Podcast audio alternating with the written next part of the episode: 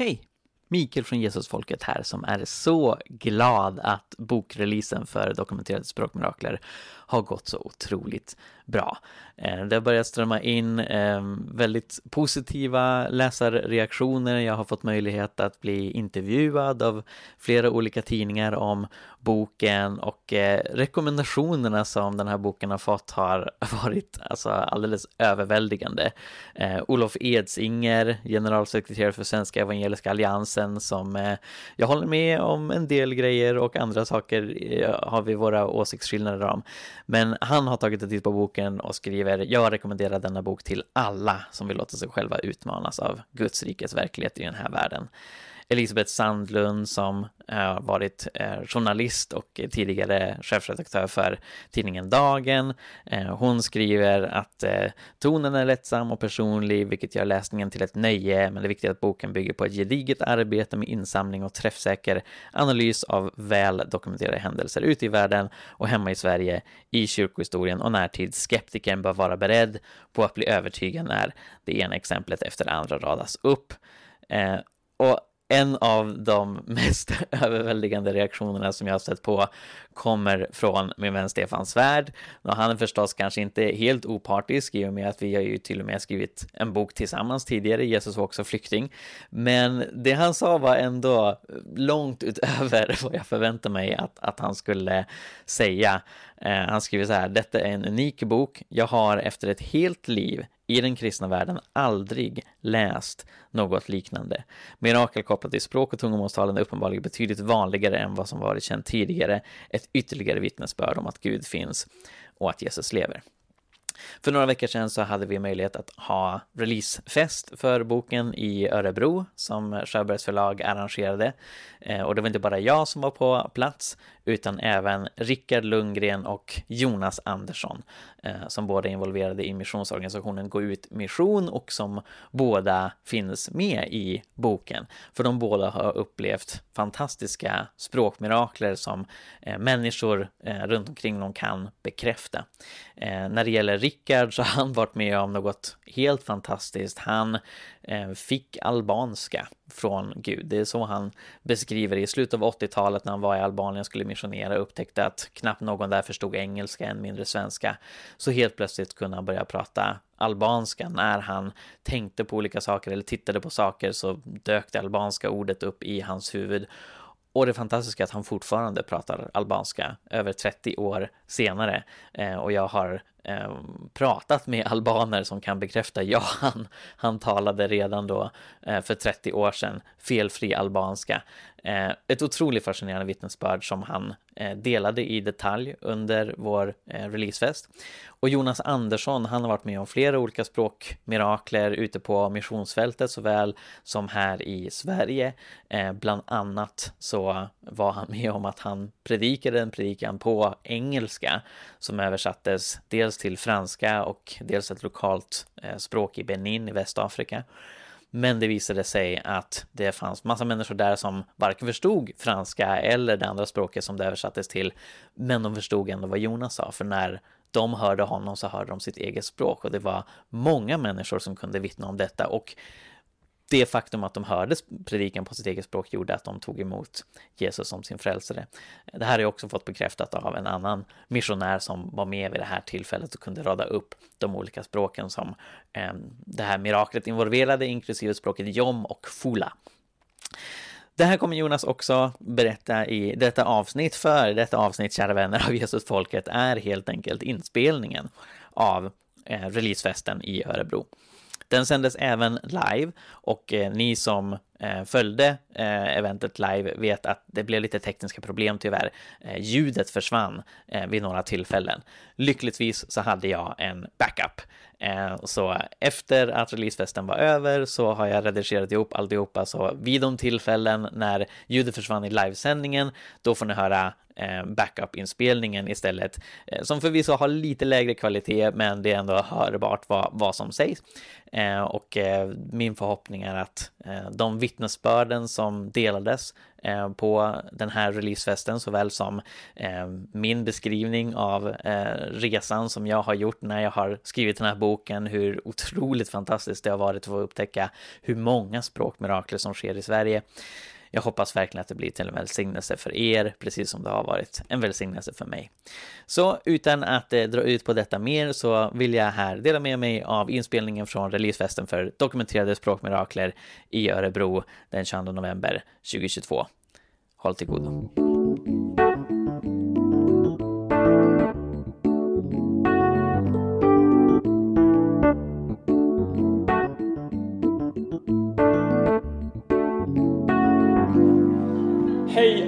Välkomna hit ikväll, alla som har kommit hit till Mällinge kyrkan. Joel Sjöberg heter jag, jag är eh, medlem i församlingen, ordförande och dessutom så eh, driver jag ett bokförlag som har gett ut eh, som heter Sjöbergs förlag som har gett ut eh, den bok som eh, står i centrum här ikväll.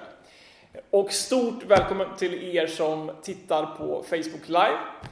Eh, det är ungefär, jag skulle tro att det är minst lika många som tittar där och eh, sen tror jag också att många kommer se det här i efterhand. Så känn er välkomna till den här sändningen.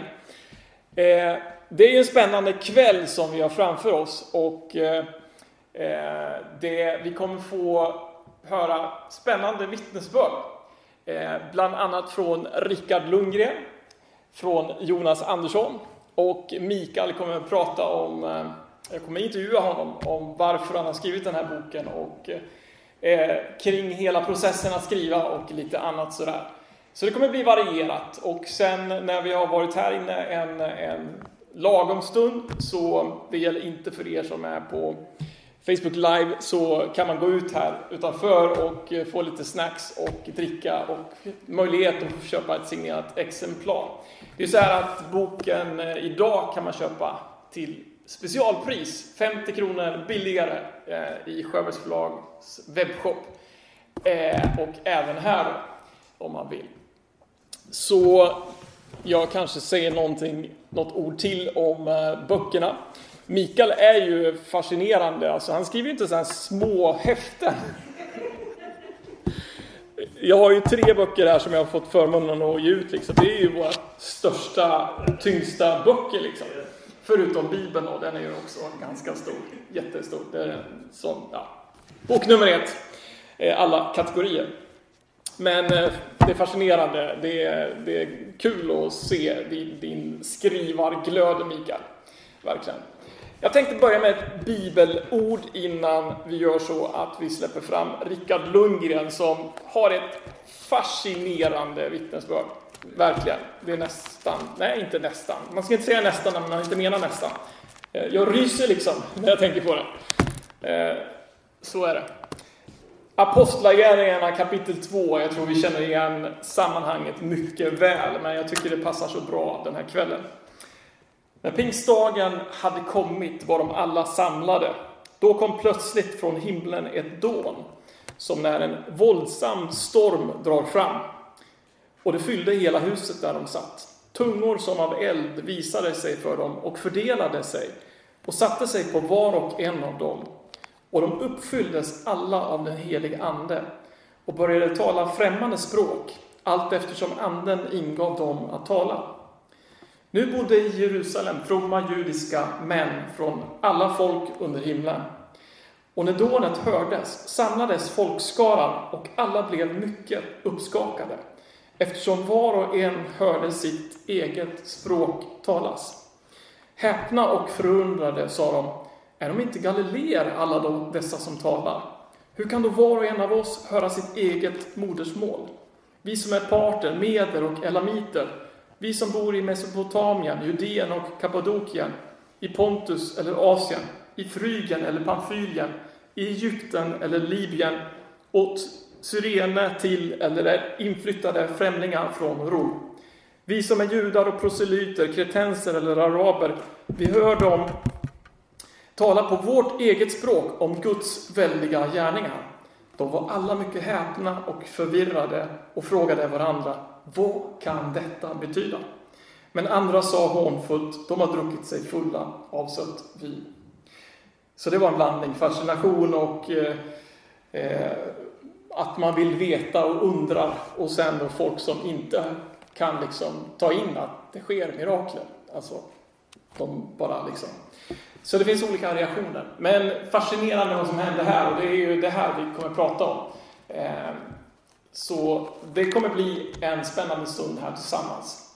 Tack Gud för att du vill vara med den här stunden och jag ber att du får ehm, inspirera oss och uppliva oss till att eh, eh, lita ännu mer på dig och, och eh, att du vill tala till oss och eh, du vill också använda oss till att få förmedla budskap till andra. Tack för att du vill vara med den här stunden och tack för att du är här på denna plats.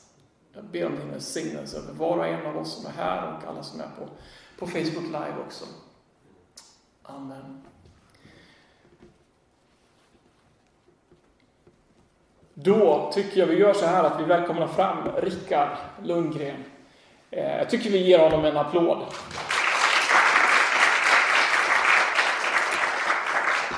Stort tack för att du ville komma hit. Tack för det. Man förtjänar inte applåd för någonting som Gud enbart har gjort. Och man förtjänar inte applåd för att resa från Katrineholm till Örebro. Men eh, ni är snälla, så tack tillbaka.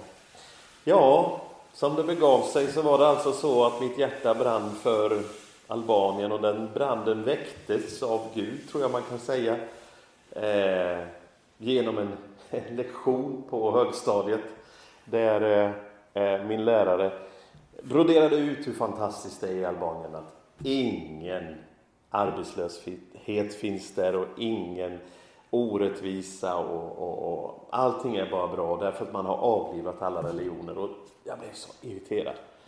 Och jag var ju inte en missionär på den tiden, inte alls, men jag kände otrolig så här irritation och, och, och sa nej. Och då reagerade han, vad är det Rickard? Nej, då vågade jag inte säga någonting. Men när jag gick ut genom den orangea dörren så kände jag att jag tog ett beslut. Och det beslutet har ju varat i alla dessa år. Eh, beslutet var, det ska jag ändra på. Väldigt enkelt och tydligt. Eh, Jonas kommer ju tala här också senare och eh, eh mitt liv har ju ofta innehållit många manifestationer av den heliga Ande. Märkliga saker, otroliga upplevelser, änglabesök och, och saker så här. Men jag vill bara understryka att jag är så tacksam för att det också är så för Jonas att det är inte manifestationerna vi söker. Vi söker att vinna människor för Gud. Vi bryter in i områden som är omöjliga med den heliga Andes kraft och då händer ibland manifestationer för att det ska lyckas. Och så var det med det albanska språket. Jag satt ju inte och klurade ut som 14-åring, jag måste få ett mirakel så att jag kan tala med albanerna. Jag var så enkelt möblerad, och är det fortfarande, att jag åkte ner till Albanien utan att veta om jag skulle kunna få någon tolk eller om jag skulle kunna eh, kommunicera på engelska eller tyska. Och det visade sig fort, det gick inte alls på engelska. Jag kunde väldigt dålig tyska, men jag hade ju gått i, i, i grundskolan och lärt mig lite tyska. Eh, och min engelska för övrigt, den har jag ju lärt mig nere i Indien, så den är väldigt präglad av indisk typ av engelska. Så jag är inget, jag, jag, jag tror inte man ska säga att jag är ett språkgeni, men som missionär är jag ju intresserad av och få kontakt med människor, så att jag kan ju snappa upp en fras eller två, men sen kan jag ju inte mer än det. Eh, men där i Albanien så så, så blev jag väldigt förtvivlad över Gud, när du har öppnat upp och jag har kommit in här med en grupp kommunister ifrån Dalarna då måste du i all sin dag göra så att jag kan prata och förklara evangelium för människorna. Jag har ju också till och med lyckats få med mig 25 nytestamenten in i landet. Det var ju helt förbjudet, det var dödsstraff på det. Eh, så jag var, faktiskt kände mig väldigt misslyckad på kvällen när jag gick och la mig där på hotellet och kände att ja, det är så typiskt. Jag tänkte inte på det här med språket och jag, jag, nu, nu måste jag rapportera hem till, till vännerna i Sverige som stod bakom det här, min egen församling i Boxholm i södra Östergötland och Solo och Lena, baptistsamfundets eh, föreståndare eh, Birgit Nilsson. Hon, hon stod bakom och gav 10 000 kronor för det här uppdraget personligen. Eh, men eh, när jag vaknar på morgonen så när jag tittar på golvet så kommer Dechem i mitt huvud. När jag tittar på taket då säger det Tivan. Och när jag tittar på fönstret så säger det Dritare och skåp Dolapi och tidning Gazette och allting kom liksom som en liten röst inne i mitt huvud, en sån här tankeröst som då säger det ordet för vad saker och objekt heter. Eh, och jag gick runt i pyjamasen fram och tillbaka där och var väldigt förvirrad. Och jag vet att jag tänkte, som den prydliga svensk man är, undra var mentalsjukhuset ligger, för att använda en gammal terminologi. Eh, så tänkte jag. För jag tänkte, du har blivit tokig av att du har vaknat på, så, så här varmt på morgonen. Det var min första utlandsresa. Jag hade aldrig vaknat med 32 grader på morgonen. Så jag liksom, det är värmen som har gjort det tokig. Så jag trodde inte på det. Men så ligger då eh, tidningen, den albanska dagstidningen där eh, på, på, på ett, en bänk och jag går fram och tittar. Och när jag tittar först så då ser jag ju deras E med prickar över, jag ser deras C med en krok på. Så jag blir helt förbryllad och känner det här går inte att läsa, jag förstår ingenting av det här. Och jag, jag, jag liksom tar bort den och så känner jag, nej, det går nog. Och så läser jag en hel artikel om demokrati på 20-talet i Albanien och fattar alltihop och jag, jag har ju inte varit politiskt intresserad själv. Så helt, jag lärde mig saker om parlament och demokrati. Och det är ju fånigt, det var ju en diktatur så det, det var ju utopi totalt. Men efter det så bara gick jag rakt ut i hotellets eh, gång och knackade på dörren mitt emot och frågade mannen som öppnade dörren. Jag trodde att några av mina medresenärer bodde mitt emot den, men det var det inte, utan det var en albansk man som stod där och så tittade han på mig. Var, liksom, han sa ingenting och så sa jag, jag ville säga förstår du mig? Och då drog jag till liksom bara, det som kommer i mitt huvud det är a med kuptoni. Och när han ska svara på det så svarar han, ja, visst, men hur kan det komma sig att du kan dialekten uppe i norra Albanien? Eh, jag visste inte att de hade olika dialekter eller så, men jag talar alltså tosk. Det gör man uppe i bergen på 2300 meters höjd. Och jag har ju själv varit och besökt alla de här landsbyarna där som en tok sen, åren efter. Och det är ju så roligt att se att de är inte ett dugg förvånade där. De bara liksom, ja, kul att du pratar bra albanska liksom. Men när man är i huvudstaden eller i södra delen av Albanien blir det ju ett hysteriskt tecken. Alltså, om ni, finns det inte något som heter pitemål? Någonting sånt där? Tänk... jo då, där hörde vi touchen. För er som är med på Facebook. Det finns någon med pitemål här. Om man då tänker sig att man är inne i, i, i, i Amazonas djupaste regnskogar och så finns det någon från Pite där och som får höra någon komma och prata pitemål. Det blir liksom, och, och då är den personen indian förstås. En indian, eller vad heter det, ursprungsbefolkning som i, i inre Amazonas plötsligt börjar prata pitemål bara för att du är där. Det blir ett tecken. Det liksom går inte att bara säga vilken tur jag hade. Och precis så är det för väldigt många albaner som inte är från norra Albanien. Att hur gick det här till att du kunde tala med dialekten de har uppe i... Eh, för mig var det jättenaturligt att säga Isha till exempel. Och Isha betyder eh, att det var någonting imperfekt, det var. Medan eh, eh, eh resten av landet säger eh, Asht. Och så säger jag Isha liksom. Det känns naturligt att säga Isha. Det är bara den där delen av Rorra-albanien de säger så. Som bara ett exempel. Sen är det ju det blev ju stort det här och det blev ju liksom eh, känt och, och, jag själv pressade ju på och jag fick ju träffa en TV journalist, som gjorde ett program där jag fick sitta och berätta albanska för hela folket. Dagen efteråt fick jag träffa Rami Alia, eh, statsminister, och han drog sen till eh, Sydamerika och sen rasade statyn och det var ju människor som välte den och demokratin kom in och en, eh, en, en ortoped blev vald som ny statsminister i det här landet och eh, 800 missionärer flyttade in i Albanien som hade suttit och väntat runt hela landets gräns i Jugoslavien och Grekland och Italien och bara längtat i åratal att få komma in i landet.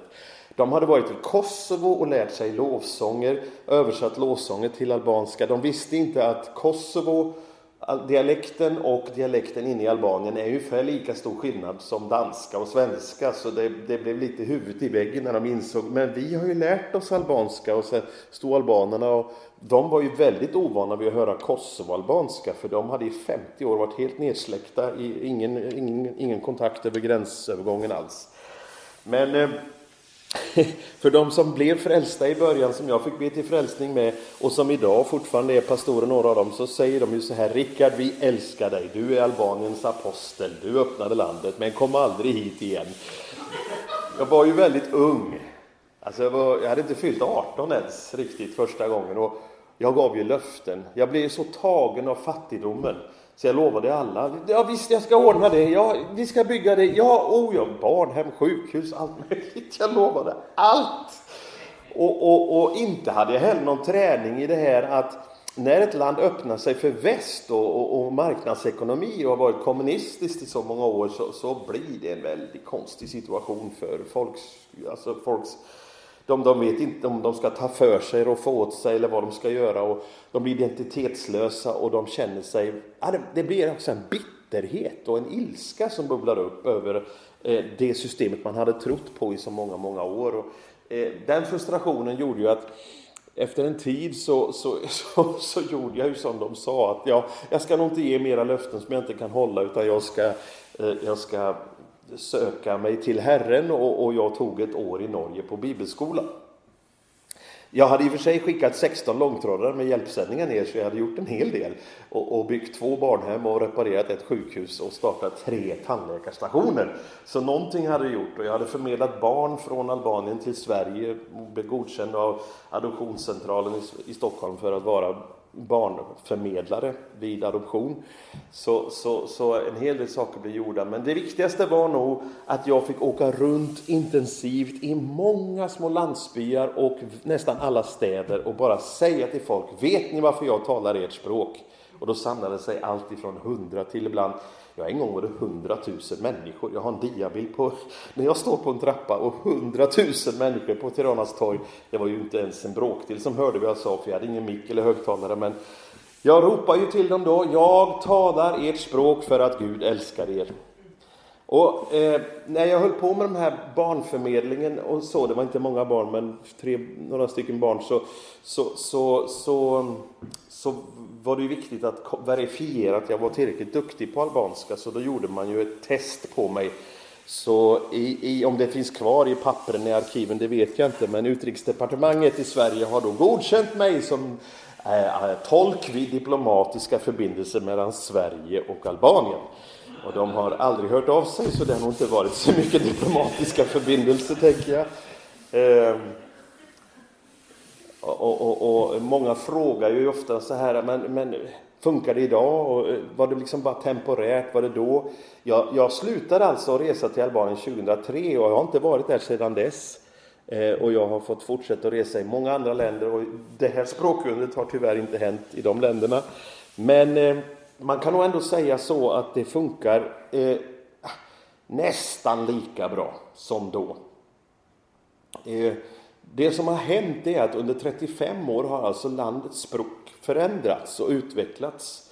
Och, och, speciellt när de skriver på Facebook så börjar jag nu få problem. Vad står det? De förkortar ner ord. Om jag ska säga tack så säger jag fall i min derit. Nu säger de fall. Men fall betyder också förlåt. Och då undrar jag, hur vet ni om ni säger förlåt eller tack? Så jag blir irriterad och korrigerar dem. Det heter falminderit, skriver jag. Och då, ja, ja, det gjorde det förut, Rickard. Och det här blir ett tecken igen då, va? att jag har ju inte hängt med i språkutvecklingen utan jag ligger fastfrusen i hur man lät på 80 och 90-talet i Albanien. Det är lite komiskt. Eh, av alla folk jag besökt, av alla kulturer jag varit i, jag kommer ju ganska nyligen från Laos nu, så är det nog ändå höjdpunkten när jag sitter på en riktigt skraltig buss uppe i norra Albanien. Jag har inte ätit mer än rissoppa på tre veckor. Jag är tunn som en tråd, tro det eller ej. Och, och, och, är smutsig, jag har inte duschat på flera dagar och jag ska ut och göra ett ärende åt Gud på ett, ett, en bergstopp. Och så är det fullt i bussen och det kommer en gammal dam in där och, och, och, hon går där och så hör hon att jag sitter och pratar med killen vid sidan om mig. Och, och då hör ju hon att jag är från bergen och att jag har en bergsdialekt. Så hon, hon säger väldigt snabbt flytta på dig. Och jag bara, vad, vad sa du? sa jag. Tjong, ger hon mig en lavett i ansiktet. Flytta på dig pojkunge! Så här liksom. Och jag bara, ja, visst jag ska flytta på mig, ställer mig upp. Och jag kände bara så lycka över. Åh, jag är verkligen en av dem.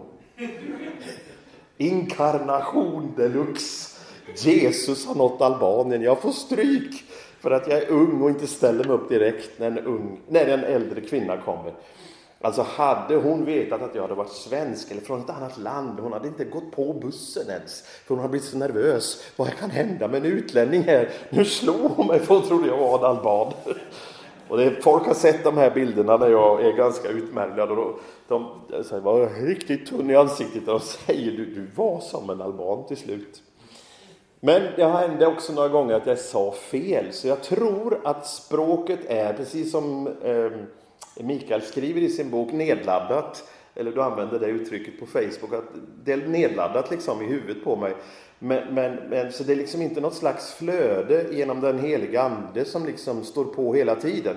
Utan det är nedladdat och ligger där. Jag får liksom tänka till in i, i den filen så sätter det igång. Eh, men det har också blivit fel några gånger. så en gång när jag, ja men det var ett år senare när landet eh, började polariseras lite så här. Muslimerna ville vara muslimer för de hade muslimska namn då. Var ortodoxa ville vara ortodoxa, katoliker ville vara katoliker och lite så här. Efter vad de hette, namn och efternamn, så delade man upp sig i olika religioner. Och då var det ju en situation där eh, de kastade sten när jag stod och predikade och en sten träffade mig rätt så illa så det började blöda så jag gick hem. Eh, och så de jag bodde hos då, de frågade mig vad var det som hände Rickard? Och då är det så här att sten heter Gor och kvinna heter Gro. Så när jag står där och tycker synd om mig själv och sköljer mitt hår där i handfatet och så frågar de vad var det som hände? Nej, de kastade en kvinna på mig. Alltså kastade en gro på mig som jag skulle sagt gor. Eh, är, det, är du säker på det? sa de började skratta åt mig. Ja, det gjorde de. Hur var den kvinnan då? Det var en hård och tung och stor kvinna. Nej, men är du säker på att det var en hård, stor, tung kvinna? Ja, du ser väl hur jag blöder. och sen så, så liksom gick det upp för mig att jag hade fel ord. Och en, en gång när jag pratade med presidenten så, så, så tänkte han att eftersom jag kan albanska så måste jag ju vara ett geni. Och jag måste ju vara väldigt hög utbildning. Liksom. Hur kan man lära sig språket på bara någon dag sådär?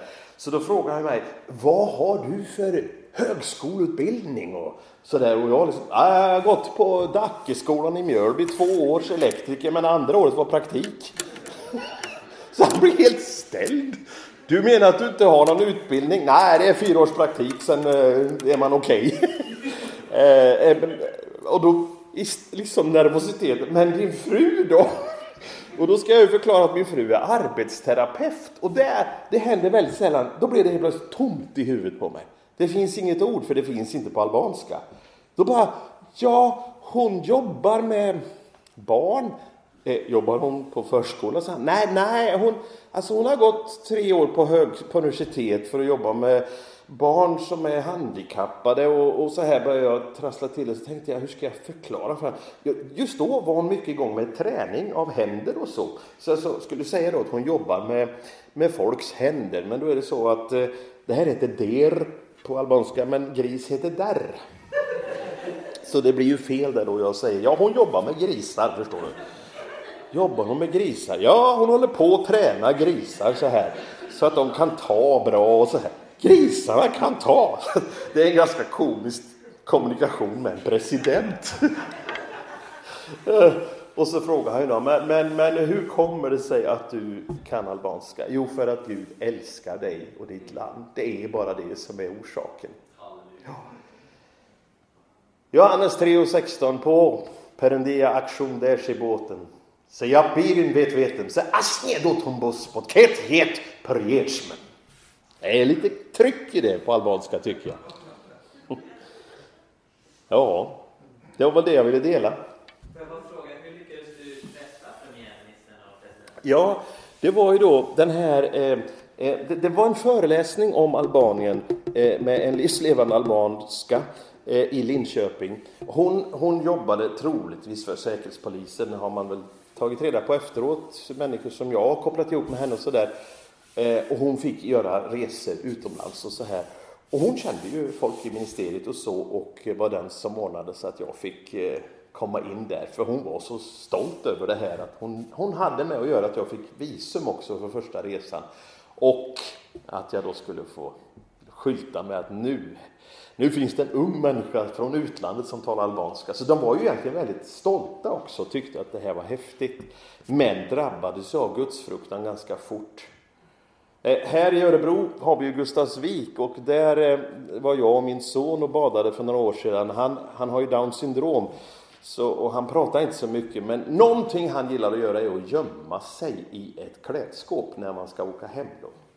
Så när han duschar när vi ska eh, gå hem så är han snabb och så försvinner han in i ett skåp. Och ni som har varit på Gustavsvik vet ju att det är många skåp. och just den här gången så, så gick jag och verkligen, var är han nu? Och då helt plötsligt hör jag på klingande albanska en grupp albanska ungdomar stå och prata med varandra. Åh oh, fy, jag törs inte öppna, han har krypit in i mitt skåp och uh, uh, hur ska vi göra, var kommer han ifrån, varför är han i mitt skåp? Och så här. Och jag tyckte, vad så roligt, albaner. Och så går jag bort dit, men just då så säger de något lite elakt. Och titta, han är en sån där eh, apa, han är ju handikappad. Alltså, lite fula ord då. Va? Så jag väljer att inte avslöja att jag förstår vad de säger utan jag går fram och säger Har ni sett min son? Ja, ja, han sitter där. Vi vet inte varför han gick in i skåpet. Så när jag böjer mig in och ska ta ut Lukas så säger jag på albanska in i skåpet Lilla apa, vill du ha lite banan? och så vänder jag mig om då till dem. Och där sker det då bara tre stycken böjer knä. Man kan ju liksom bli rädd och förlåt och så här. De andra sprang iväg, men tre böjer knä. Och, och, och, och, det finns också med i boken en nyligen upplevelse från Hestra, där en människa drabbas av sån gudsfruktan Hon säger, hon står så här i talarstolen, jag kan inte stå längre. När de hör mig tala albanska, det är ju det är otroligt. Men så stort är tecknet. Tack för att jag fick dela detta och köp boken! Låt den spridas i vårt land att Gud är en Gud som råder över Babels förvirring och han ska göra oss alla till ett folk i Jesus Kristus. Amen.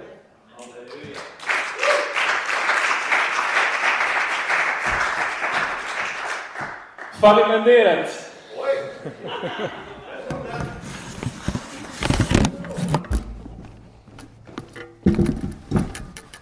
Ja, du, tre katter Oj! Jag. Det är inget språkart det där, jag har pluggat. Eh, ska vi se. Ja. Då sitter vi här igen, Mikael. Ja. Senast var det Korskyrkan i Uppsala. Då hade du släppt konvertiter. Mm. Eh, det är något år sedan sådär. Ja, ganska precis ett år sedan. Ja. Eh, men jag tänkte ställa några frågor till dig. Och första frågan egentligen, det är ju många vet ju, eh, har ju kläm på vem du är. Och en del kanske har mer och en del lite mindre. Så Men om du skulle beskriva lite grann vem du är och kanske uppdatera oss eh, hur ditt liv ser ut idag. Ja, mitt liv har blivit eh, rätt så uppdaterat bara de senaste månaderna. I augusti så flyttade jag och min fru Sara till Falköping för att starta en kristen kommunitet med några goda vänner där. Så det är en stor omställning. Jag har bott majoriteten av mitt liv i Uppsala och nu är det en ny plats och nya människor och det är jättespännande vad Gud vill göra där. Eh, därefter i september så började jag som doktorand i kyrkohistoria vid Lunds universitet. Också ett äventyr och en ny miljö att orientera sig i. Eh, så det är jättespännande och sen så utöver det så jobbar jag som lärare i kyrkohistoria på Akademi för ledarskap och teologi här i stan. Eh, och eh, jag eh, skriver uppenbarligen böcker och har jobbat liksom som författare och föreläsare ett antal år. Så den här boken har jag skrivit på ända sedan då den tidigare boken Dokumenterade mirakler Eh, kom ut 2019, så det är tre års arbete som ni har möjlighet att ta del av. Ja, det är imponerande hur du hinner med allt som du gör. Eh, och det är eh, fantastiskt att du skriver böcker. För de blir uppskattade och många läser dem och många får verkligen ut mycket av att göra det. Men eh, dokumenterade språkmirakler, du skrev ju dokumenterade mirakler och eh, den togs ju emot väldigt varmt och den har ju fått trycka om eh, minst en gång i alla fall. Och nu då dokumenterade språkmirakler. Hur kom idén till, till den här boken? Ja, när jag började skriva dokumenterade mirakler, då så tänkte jag först rätt så brett. Och jag tänkte bland annat på den Rickard. och, och hans eh, albanska mirakel. Jag tänkte det vore jättekul att ha med. Eh, sen när jag började liksom utkristallisera den boken som eh, ju argumenterar för att det går att demonstrera, att visa att mirakel är någonting som existerar. Då upptäckte jag att det allra enklaste var att fokusera på helande. För med tillfrisknanden så kan man använda sig av en auktoritet som både troende och icke-troende generellt har en stor tilltro till, nämligen läkarjournaler och, och läkarutlåtanden. Så jag valde att eh, avgränsa mig till att dokumenterade mirakler skulle få handla om helande. Jag har ett kort avsnitt i boken där jag nämner att det vore ju kul framöver att titta på andra mirakler och då tog jag upp Rickard som exempel. Eh, och eh, därför när den första boken var klar så tänkte jag att just det här med språkmirakler vill jag undersöka mer. För det är någonting som jag alltid, eller alltid ska jag inte säga, jag har varit väldigt fascinerad av det sen jag stötte på det. Och jag skulle tro att första gången jag stötte på fenomenet och läste om det i någorlunda modern tid, det var när jag eh, hade en period när jag undersökte eh, väckelsen på Azusa Street 1906, eh, där den västerländska pingstkarismatiska rörelsen satte igång när många då av de tidiga pingstvännerna talade tunga så var det på språk som andra kunde känna igen. Så det talades japanska, det talades norska, svenska, luganda som är språket i Uganda, med flera språk. Och det här rapporterades om i de tidiga pingsttidningarna. I samma veva, det här är för över tio år sedan, runt 2011, eh, så var jag engagerad i Stockholms bönehus. Eh, och eh, där så hade jag då flera vänner som var med och ledde bönesamlingar där. Och Eh, en dag när jag kom dit, eller en kväll, eh, så var det flera som var eh, så otroligt lyriska att Gud hade gjort ett mirakel hos dem eh, veckan innan. Så då så, när de hade haft en bönesamling där, så var det en finsk, eh, finsk-svensk kvinna som hette Tola Pettersson som hade känt igen hur en annan kille hade talat finska när han talade i tungor. Så jag satte mig ner och intervjuade honom. Jag publicerade den intervjun på min blogg, Hela Pingsten, som var igång redan då. Eh, och eh, ja, tyckte att det var jättehäftigt. För att när, när jag träffade honom var han en eh, väldigt vanlig stockholmsk kille med absolut inga kopplingar till Finland. Han kunde bara säga yksi, kaxi, kolme, ett, två, tre. Och det var det. Eh, så för honom hade det verkligen varit en överraskning och han sa någonting som jag också burit med mig i skrivandet nu när jag har över 80 fler exempel på det här. Eh, det är just det att det är inte multiplikationstabellen man rabblar. man rabblar inte liksom en eh, Wikipedia-artikel om snöstormar, utan det är ju andligt innehåll. Så i hans fall så hade han eh, sagt Jag är livets bröd och Gud är universums kung. Eh, och sen så pratade vi då också med eh, Tola som bekräftade det här. Så, så det var någonting som var väldigt ögonöppnande. Eh, och sen så eh, hade jag gått med i en församling i Uppsala eh, som hette Mosaik, som jag senare i livet hade förmånen att få vara pastor för tillsammans med min fru Sara. Eh, men på den här tiden var jag ju bara då medlem där. Och så visade det sig att pastorn i församlingen, Hans Sundberg, han hade upplevt flera språkmirakler. Ett av språkmiraklerna upplevde han med, alltså kort efter jag hade gått med, för då åkte han över till Nepal. Och så upplevde han ett språkmirakel där och kom sen tillbaka och, och, och berättade om det. Eh, för vi, vi stöttade missionsarbete i Nepal.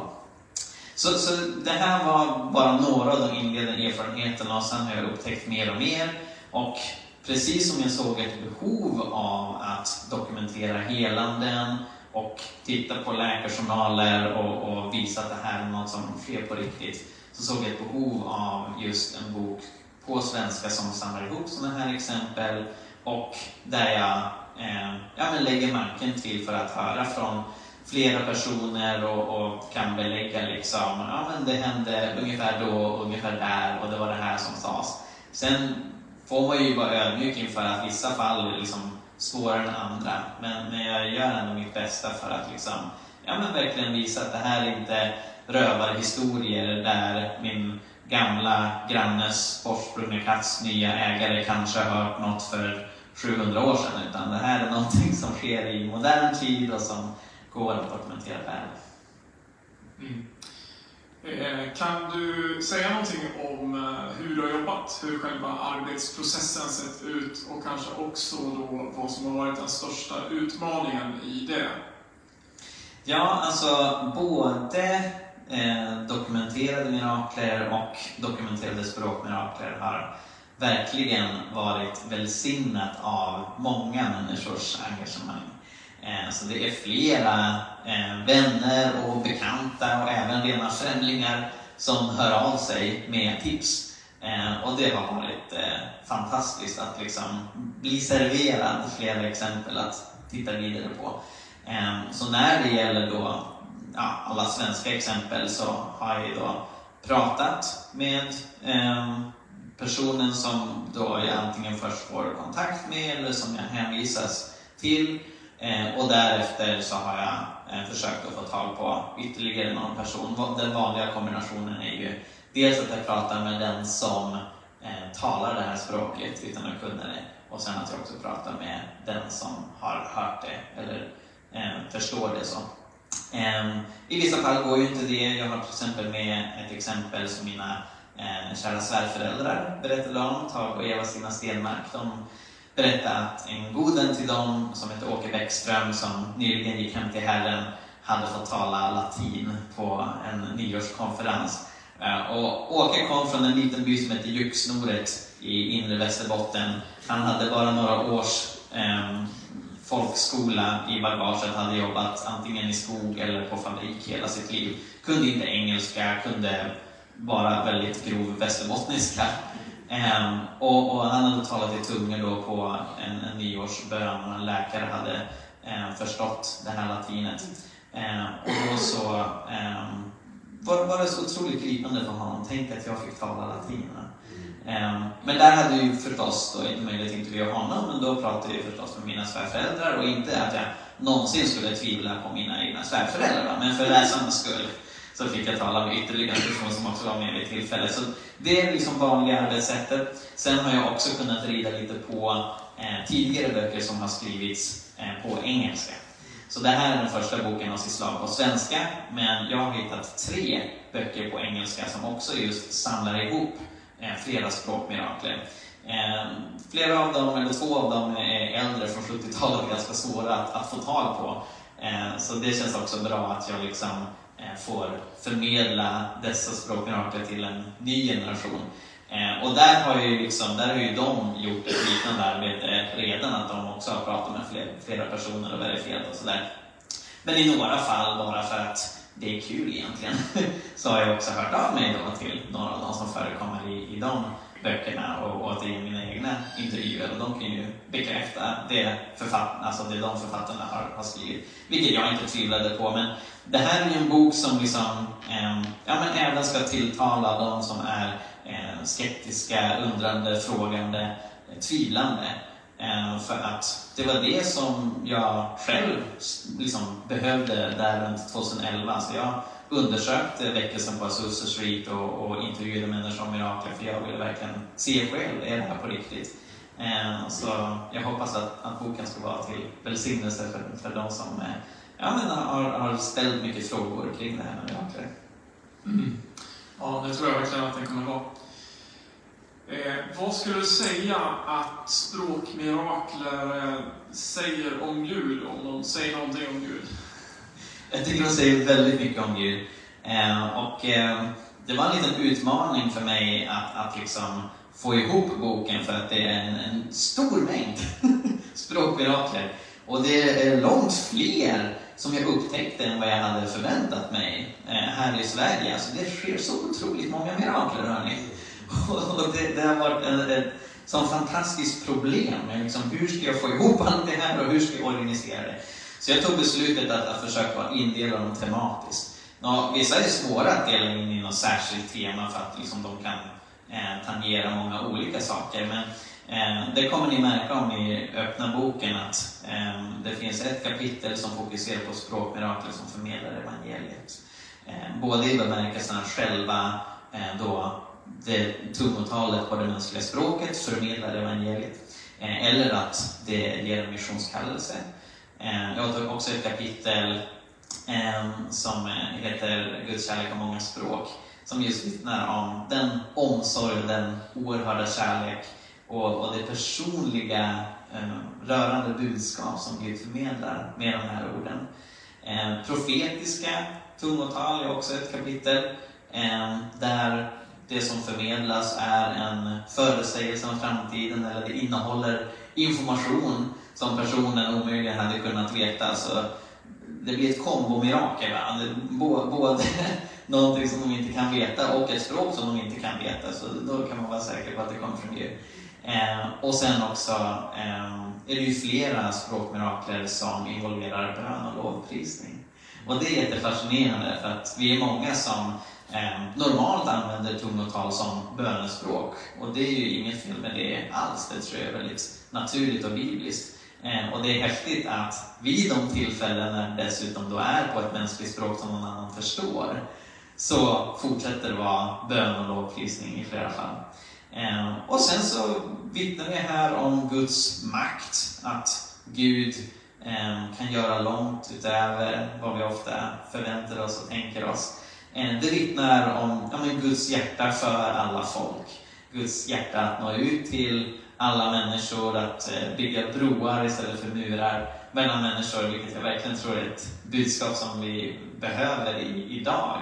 Och att eh, eh, alltså, tungotalets gåva i sig själv förmedlar ett kraftigt budskap just om vikten att inte vara högmodig kring liksom sitt, sitt eget språk och ursprung, utan se skatterna i det andra bär på. Och, eh, någonting som jag också Eh, kom på i samband med att jag skrev boken, när jag funderade på vad ökar chansen att man upplever språkmirakler själv? Dels är det förstås att be om tungotalets och alltså uttydningens gåva och sen också använda det och även våga använda det när andra är inom hörhåll.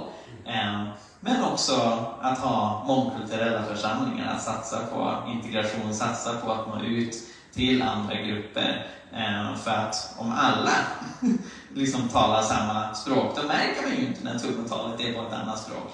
Så vi behöver ju vara missionerande även här i Sverige och det har vi ju fått ett gyllene tillfälle nu med så mycket invandring från så många olika länder. Eh, så det är också någonting som jag tror att Gud påminner om genom att eh, göra de här miraklerna. Mm. Jag tänkte på det du sa om, om att eh, det, det, blir alltså en del eh, språkmirakler är väldigt lovprisande och poetiska och sådär. Det, det där tycker jag var en väldig inspiration när jag läste boken. Jag har ju förmånen att, att läsa böcker lite före andra ofta.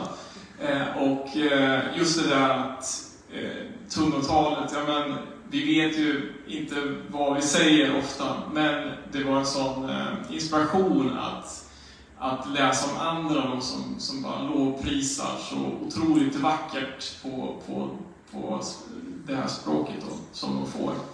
Eh, och ja, men Det blir inspiration i, i ens eget privata böneliv, liksom att det tungotalet är, det är verkligen någonting och det är lovprisa Gud, kanske mer vackert än jag själv skulle kunna skapa ord. Liksom, komma på ord. Mm. Eh, så nej, jag tycker det otroligt inspirerande.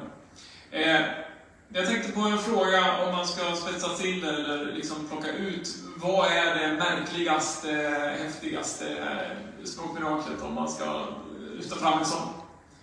Ja, alltså, det, Alltså, ja. nu har vi hört ett otroligt fascinerande... Ja, men verkligen, verkligen. Alla är ju fascinerande så, men... Ja, och, och Jonas bär också på häftiga, märkliga som han får berätta om själv. Eh, men något som, som eh, ja, men jag har liksom eh, återvänt i tanken till tillbaka många gånger.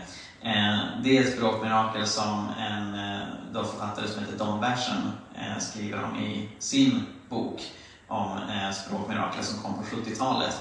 Och då hade han eh, intervjuat en kvinna vars syster hade fått uppleva ett otroligt unikt eh, språkmirakel. Så den här kvinnan, Elsie, hon berättade om när hon och hennes syster Amy var unga eh, så deltog de på en gudstjänst i eh, Los Angeles. Eh, och eh, Amy hade gått fram för förbön, hon hade upplevt Guds kraft väldigt starkt, så hon låg på rygg längst fram. Eh, och hon prisade Gud med handrörelser så här. Eh, medan hon liksom i, i tillbedjan var liksom fullt fokuserad på Gud så rörde hon händerna. Elsie satt då eh, bredvid en kvinna som var eh, pastor för eh, döva. Eh, och eh, eh hon påpekade då för Elsie att eh, eh, din syster talar teckenspråk just nu. Eh, och jag sa, nej men det går ju inte, hon kan ju inte det. Men det är det hon gör. Eh, och så förklarade då den här kvinnan vad det var som Amy förmedlade och det var en predikan som pågick i två timmar. I två timmar låg hon där framme och rörde på händerna och det var teckenspråk om Guds stora kärlek och att Jesus stod på korset för våra synder. Uppstod för vår härlighets skull. Eh, och eh, den här då kvinnan, eh, jag har glömt hennes namn nu men det, det står i boken. Hon hade eh, med sig en, eh, eh, är det något problem med den här sändningen? Jaha, spännande. Eh, nej men, eh, den här kvinnan hon hade då tagit med en döv man till gudstjänsten som inte var troende. Eh, och han blev alldeles hänförd av den här predikan som Amy hade. Eh, så han gick fram till henne när hon sen hade rest sig upp eh, och eh, uttryckt eh, ja, stor tacksamhet eh, och förmedlade det då på teckenspråk. Eh, och hon förstod inte vad han gjorde. Hon hon log lite mot honom och, och liksom nickade och sådär. Och han blev frustrerad, så sen gick han då till den här pastorn och, och, och frågade vad är det med henne? Varför svarar ni inte bara? Då pastorn förklarade att ja, det var nog Gud som talade till dig. Eh, och han gav sitt liv till Jesus efter det. Det som är så otroligt häftigt med det här språkmiraklet, det är dels att det plötsligt blir tydligt att tungotal inte behöver involvera tungor, vilket är fascinerande. Eh, men också det här att Gud lämnar de 99 fåren för att söka det förlorade. Att här lät han Amy hålla en predikan i två timmar som eh, ja, förmodligen inte fler än två personer i lokalen förstod. Och eh, oavsett hur många som förstod det så var det ju tydligt till just den här mannen som Gud riktade sig. Eh, så ja, det är otroligt fascinerande mirakel. Och ändå blir det ju utifrån den händelsen så blir det ju väldigt mycket ringar på vattnet för nu sitter vi här och pratar om det. Jajamän. Eh, man kan tänka att eh, ja, men Gud är ju, man ser att Gud är så mycket större än vad vi, de, liksom, i den låda som vi placerar Gud i, liksom, eller försöker. Liksom.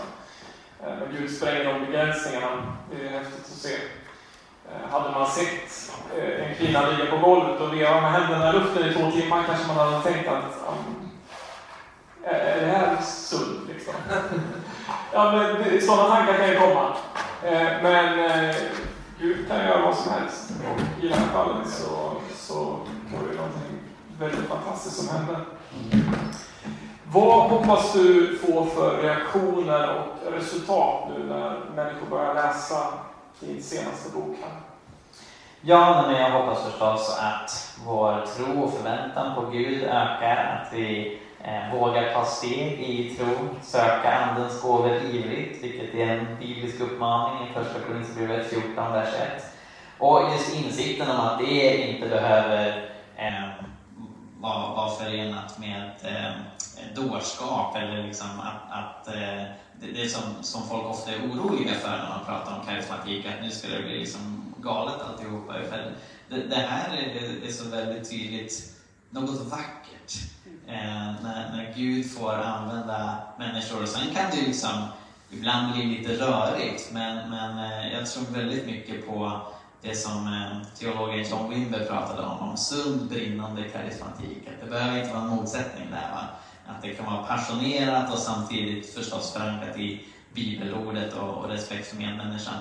Ehm, och så hoppas jag förstås att, att eh, det ja, men finns, eh, eller leder till en, en större öppenhet för just både tungotal och även uttydning. Uttydning tycker jag ibland blir lite bortglömt, även i sammanhang som tycker om att tala om tungotal.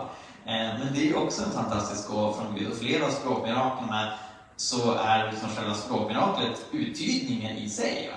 Eh, och, och, och det, det, är någonting som jag också ja, men, tror att församlingen mår bra av.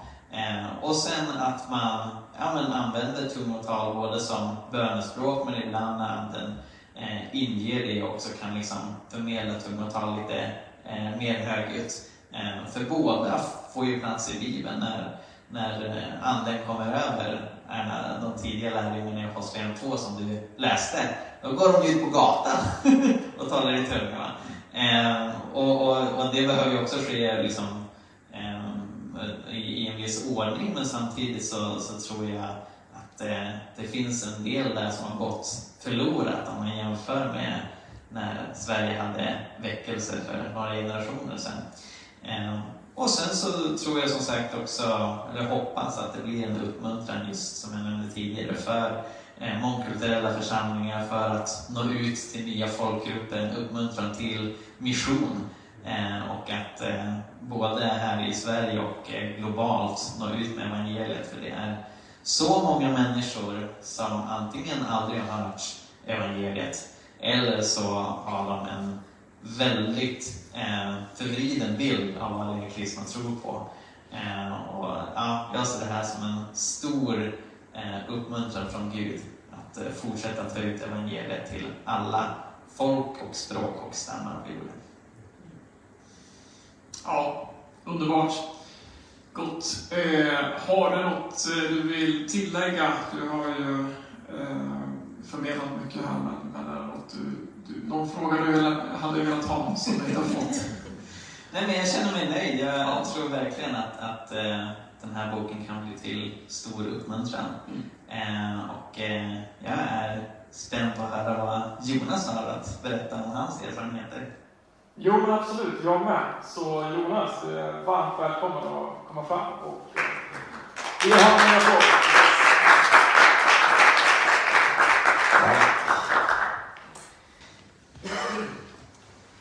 Gud är ju så otroligt intresserad av eh, oss. Det är ju, eh, han går ju till sådana extremer. Det här, eh, de här vittnesbörden som vi redan har hört om, om Rickards albanska, om det här teckenspråket, mm. där andra som är i lokalen bara uppfattar, här är en människa som njuter av Guds närvaro, och så håller Gud en predikan för en person. Alltså Gud vill ju att alla ska förstå. Och som, som förkunnare, som missionär, så så har jag ju framförallt fått uppleva hur i vår liksom, bristfällighet, i vår klantighet, i, vår, liksom, i våra misslyckanden att planera, förbereda och, och, och, skapa så bra förutsättningar som möjligt för att nå ut, så har Gud kommit och gripit in. Därför att han är mer intresserad av att nå människor med evangeliet än vad du och jag någonsin kommer att vara. Och när jag var i Benin i Västafrika, eh, voodoo-religionens eh, liksom högborg, eh, väldigt mörkt. Det är liksom, dit åker statschefer ifrån hela Afrika eh, som sån här inauguration rights. Alltså man åker dit för att få kraft innan man ska installeras i sitt ämbete. Och jag tas till en plats där jag tror att här ska jag nå ut med evangelium. Och det är en stad med ganska mycket människor. Och så tar de och sätter mig i en bil och så kör de mig en timme nästan rätt ut i djungeln. eh, och jag måste erkänna att jag är rätt arg när jag kommer fram. För jag tänker, vad är det här för... Det, det är ju så fel det bara kan bli. Vi åker bort från alla människor. Vi åker rätt ut i djungeln och här är det, det finns ingenting. När vi kliver ut så är det beckmörkt, jag ser inte en människa. Jag hör apor, jag hör liksom alla möjliga djur och insekter och jag känner dem framför allt. De var överallt. Fullt med mygg. Och så hostar det igång en dieselgenerator och så är det lite lysrör uppe i, i, i, i träden de har knutit upp. De hänger i sina trådar emellan träden och så är det en liten scen som jag ska stå på och, och så sätter de igång och spelar lite brass, brassband som spelar. Det var, jag vet inte om du har spelat eh, blåsinstrument någon gång, men det var det var alla sorter kan jag säga. Det var, de, var, de ska ju vara böjda, men det var böjt åt alla håll. Alltså. Och jag vet inte om jag, de någon gång spelar samma låt, men det lät väldigt mycket. Och det gjorde att folk kom. Ur buskagen så bara kom det folk. Och, och när jag kom dit dagen efter, på dagen, så såg jag att det var, en, det var en jättestor by som var där. Eh, men det började liksom komma in folk på den här öppna ytan och det är en 6, 7, 800 personer kanske där till sist. Och jag ska predika evangelium. Och jag gör det, jag har två tolkar på scen. Eh, det tolkas från engelska till franska och så är det ett språk till, ett stamspråk. Och det är en grupp som reagerar lite snabbare, som är med på allting. De skrattar till och de, de, de responderar. Och när jag bjuder in till frälsning så kommer den här gruppen lite fortare fram. Eh, det är ingenting som jag liksom reflekterar mer än att det var roligt att folk är med. Och jag leder folket i en frälsningsbön och så har vi liksom lokala medarbetare som är på plats, som står liksom redo. För det är de som ska ut och bosätta sig på de här platserna sen för att starta församlingar. Och när de försöker att, att liksom kommunicera, för, för jag märker att någonting sker när jag har liksom bett den här överlåtelsebönen till Jesus, när jag säger Amen. Och jag sedan fortsätter och vill ge dem de första grunderna och förklara vad är det som har hänt i ditt hjärta nu när du har bett den här bönen. Om du ville och vill fortsätta med Jesus, då är det det här som precis har börjat. När jag ska göra det, då, då ser jag hur det liksom går som en... Det blir förvirrat. Folk står där och tittar sig omkring och de är inte med längre. Det är som att de, de förstår inte. Och när vi då skickar ner folk och, och går runt omkring och försöker och, och kommunicera med de som står i den här gruppen, då inser de här finns det många fler folkgrupper än vad vi trodde från början. Så när vi har tolkat det franska och ett språk till så finns det i alla fall tre grupper till som inte begriper något av de språken. Ingen kan prata med dem. Ingen kan liksom kommunicera tillbaka till dem. Och där inser vi att under hela predikan, under hela bönen, så har Gud tolkat i den heliga Ande, i deras öron. Det är den gruppen som var först med på alla poänger i predikan. Det är de som först responderar, räcker sina händer, det är de som först springer fram och de är med och ber en överlåtelsebön till Jesus först. Och det är då jag inser, vänta lite nu, de var ju med direkt från engelska. De var inte med från franska, de var inte med från det första stamspråket, de var med direkt när jag predikade. Mm. Och engelska kunde ingen av dem. Mm. De andra kvällarna sen, när vi nu hade lärt oss det här, då fick vi göra läxan. Så då fick vi ordna tolkning till de här språken. Och det här spred ju sig, så det kom ju ännu fler. Så jag tror de sista två kvällarna av fem, då var det totalt kaos på den här platsen. Det var det ändå av många olika anledningar. Det hände så otroligt mycket i det andliga. Men då hade jag sju tolkar totalt. Eh, jag har aldrig haft ett sånt möte någon gång, eh, vare sig förr eller senare. Jag var helt slut efteråt. För det, kräver lite att ha sju tolkar. För man kan liksom inte vända in alla, för då blir det väldigt långt möte. Så det vi fick göra det var att vi fick leka fruktsallad, det är så jag försöker förklara det. Varje kväll så fick vi säga, alla ni som pratar det här språket, ni får ta era stolar och mattor och allt vad ni har, ni får gå och ställa er här, och ni som pratar det här. Och så bytte vi plats med varandra varje kväll. Och så fick några tolkar stå ute i sin grupp. Och när jag hörde att nu är alla igång, då körde vi på nästa mening. Och så fick ju nå en, ett stort område och till och med människor som hade gått i tre dagar för att de hade hört på radio att det skulle vara ett möte. Hur de hittade dit, till denna lilla byn mitt ute i skogen, det har jag fortfarande ingen aning om. Men de kom, tre stycken blinda män blev ledda in av sina söner. De kommer dit, får höra evangeliet om Jesus. De får sin syn tillbaka fysiskt och framförallt så får de sin andliga syn. Och så går de tre dagar tillbaka till sitt land. Och där så startades det en väldig massa församlingar som ett resultat av det. Självaste bychefen, fortfarande muslim, när han säger detta, när han inser vad det är som har hänt i hans by, han säger Ska Jesus vara kvar här? Ja, då ska han vara hemma hos mig. Så där startade den första församlingen. I bychefens hus, där startade de en församling. Och så öppnade Gud upp hela det här området för evangelium. På ett annat ställe, då var jag i Vietnam, så eh, hade vi också en utmaning när det gällde språket. Och det hade att göra med att våran tolk, en fantastisk människa med ett stort hjärta, Mary, du känner ju också henne, Rickard. Eh, hon hade så mycket längtan och passion och var så villig, men hon var inte speciellt bra på engelska. Men det var den tolk vi hade och, och hon eh, tolkade oss. Och när vi skulle föra liksom, samtal och, och, ha konversationer, då, då tog det rätt lång tid och det var inte alltid man var helt säker på att liksom, eh, pratar vi samma, liksom, menar vi samma här. Hon ska tolka när jag undervisar och jag, jag har både haft utåtriktade möten och jag har haft en fyra, fem dagars session när jag ska undervisa församlingsplanterare. Alltså folk från olika folkgrupper som ska gå ut i Vietnam och predika evangelium och nå resten av sitt folk. Och jag undervisar och så sker det någonting. Helt plötsligt så går det bara fortare och fortare. Vi har liksom den här sköna, jag vet inte om du har talat med tolk någon gång, men ibland så liksom man känner så här, wow, nu har vi rytm här. Det bara går på. Och hon matar på och det går fortare och fortare och fortare. Och till sist så börjar jag känna så här, det här är det känns ju bra, men någonting i mig, jag måste ändå testa. Alltså, tänk om hon kör ett helt eget race nu.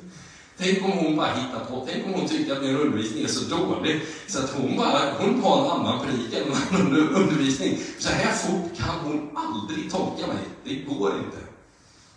Så jag tänkte, jag måste testa här nu. Jag måste testa, vad är det som händer? Så jag körde på. Jag vet inte om det var en, två, tre, tror jag, på fem minuter. Jag drog knappt luft, jag bara matade på. Jag tänkte, jag måste testa vad som händer om jag inte ger henne chansen. Och så ställde jag mig och så väntade jag på henne. Och hon klippte till direkt och stod och matade lika länge. så här på vietnamesiska. Och så tittade hon på mig. Och då, då var jag tvungen att stoppa henne och säga, du Mary, allvarligt talat, vad är det som händer? Vad är det som händer? Hur har du liksom blivit så bra på engelska helt plötsligt? Då säger hon, ja, det är märkligt, för när du pratar så hör jag dig tala vietnamesiska.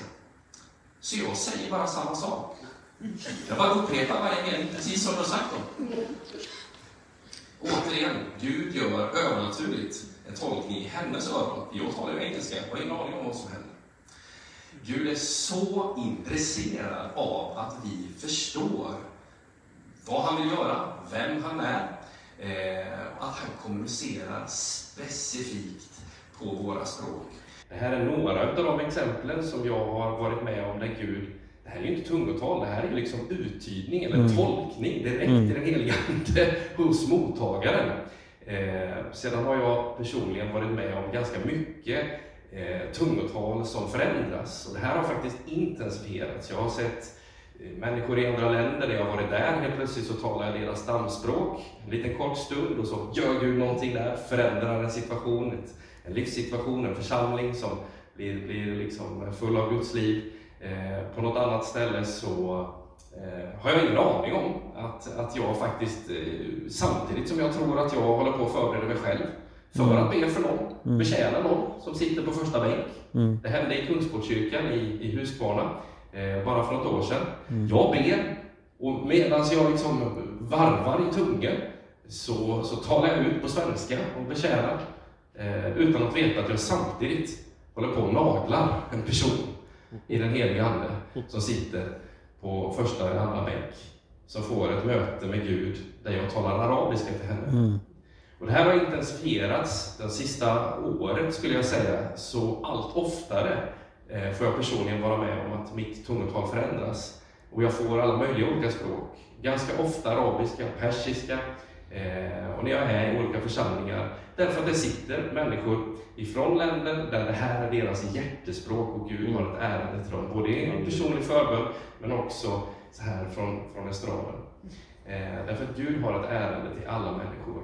Och, och egentligen borde vi inte vara så förvånade att sådana här saker sker. Vi tror ju på Gud som har skapat himmel och jord, som sa och det var, och alla saker där under och därefter. Det är ju peanuts för honom. Och han älskar människor, han älskar alla människor, han älskar individer. I pingsthelgen nästa år, Mikael bad mig nämna lite om det här, för det här har börjat brinna i mig, att det är så många i vårt land som både har lite tappat att det här skulle kunna hända, att det här är en, en verklighet. Eh, men också de första liksom, som fick uppleva det här på pingstdagen, då var det inte bara bönspråk, utan det var de här mänskliga språken, det här som går att tyda, det som går att begripa. Det var det som var så liksom, tydligt. De första som talar, de proklamerar om Guds vänliga gärningar. Alla som är närvarande, de får, liksom, få kvitto på att wow, det här är mitt språk, hur kommer det sig? Så var det. Pingstväckelsen, Alltså, Azusa Street. En av de första frågorna som började ställas, det var vilket land ska du till? Om någon började tala i tungor. Vart ska du åka som missionär? Det har vi ju, jag vet inte om du har liksom tänkt så när du har hört någon tala tungor eller om du har varit med om någon som får uppleva dopet i den heliga Ande och börjar tala i tungor. Att det är en av de första frågorna. Vart åker du? Det gjorde man på den första pingstdagen och det gjorde man i tidig pingstväckelse och det gör man fortfarande på många platser på jorden. Men i vårt land så tycks det liksom nästan ha fejdat ut och framförallt en ung generation tror jag knappt hört talas om att det skulle kunna vara något man, man tänker på. Det här har börjat äta i mig och eh, jag, jag, jag har liksom känt för hela mitt liv handlar om att träna och sända så många missionärer så det bara går. Och det går för långsamt. Befolkningstillväxten den är för stor. Och så står det i boken hur Gud på en och en halv sekund kan göra någon till missionär. De behöver inte ens veta, men de är redan kontextualiserade. De behöver inga språkstudier. De är bara redo, fulla av kraft och kan predika evangelium till människor på rätt ställe. Och de kommer att förstå. Det här har börjat ägga mig. Så i pingsthelgen 2023 så kommer vi att samla en väldig massa människor. Först nere i Nässjö och sedan på ytterligare flera platser. Mikael kommer att vara där, Rickard kommer att vara där, eh, Pelle Hörmark kommer att vara där, eh, Per Alfredsson eh, från Equmeniakyrkan kommer att vara där och många, många, många andra. Tillsammans med en längtan och en passion att få se fler uppleva mer av Andens fullhet. Ta emot gåvor ifrån himlen, dopet i den heliga Ande, få uppleva personligt tungotal, men också en tro att Gud vill sätta igång någonting igen i vårt land, där vi ska få se ännu mer av språkmirakler. Inte för att vi ska bli mer kittlade och, och liksom entusiastiska, inte någon karismatisk cirkus, utan därför att löftet är ni ska få kraft när den heliga Ande kommer över er och bli mina vittnen. Både här hemma i Sverige, om vi vågar åka lite längre bort, till Danmark kanske, och så ner i Sydeuropa och ända till jordens yttersta gräns. Därför att jag tror att Gud har ett ärende i hela världen och fortfarande vill använda den här nationen. Pingst23.se, där kan du gå in och hitta mer information. Kom gärna och besök den konferensen och lyssna mer på Mikael, inte minst. Tack.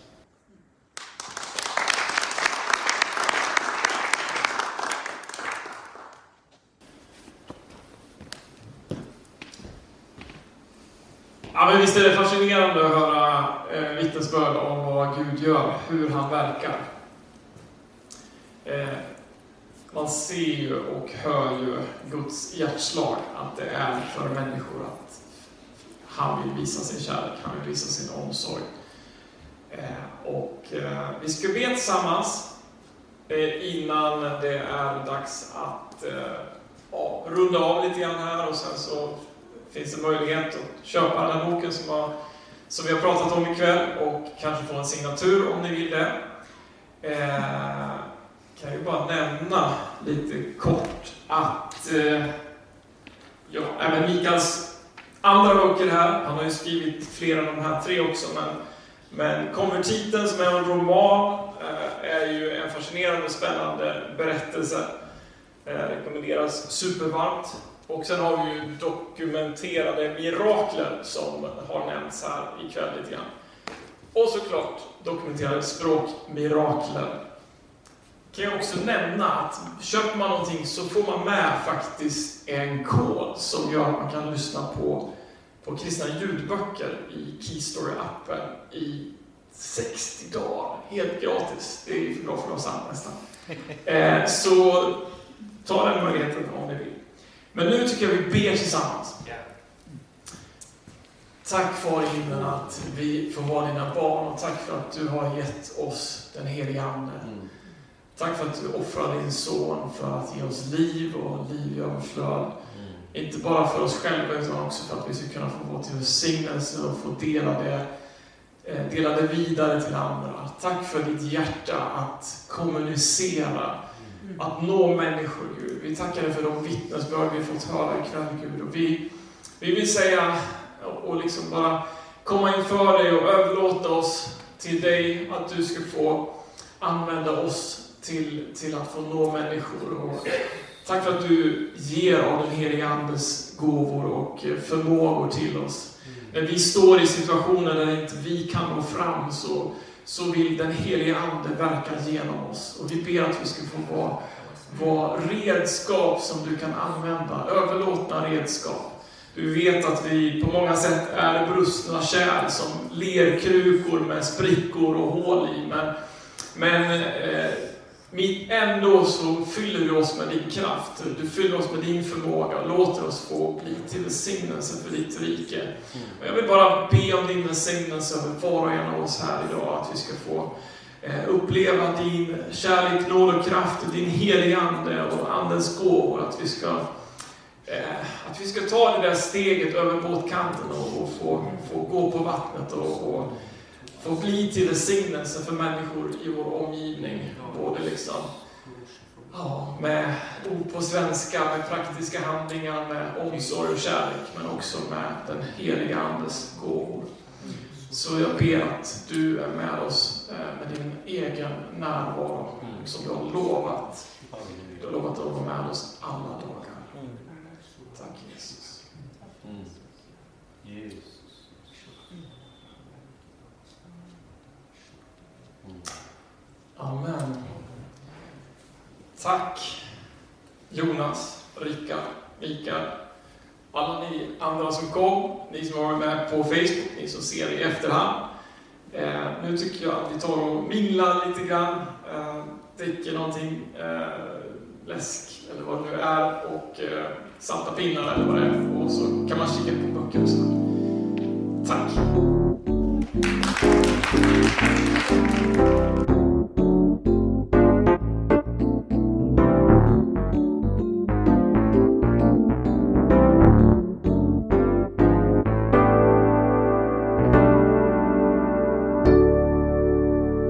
så mycket för att du lyssnade på Jesusfolket. Om du vill höra mer så se till att prenumerera på iTunes, Spotify eller valfri podcastapp. Du kan också lämna en recension, vilket är en eh, liten grej att göra som hjälper oss väldigt, väldigt mycket, så det uppskattar vi verkligen. Eh, du kan också läsa vår blogg, Hela Pingsten. Vi har mängder med artiklar där om andens gåvor, evangelisation, fred, rättvisa och allt möjligt annat som har med lärjungaskap att göra, så kolla in det. Och vi finns på sociala medier, du kan följa både Jesusfolket och Hela Pingsten på till exempel Facebook. Tack så mycket, Gud välsigne dig och eh, fortsätt vara en del av Jesusfolket.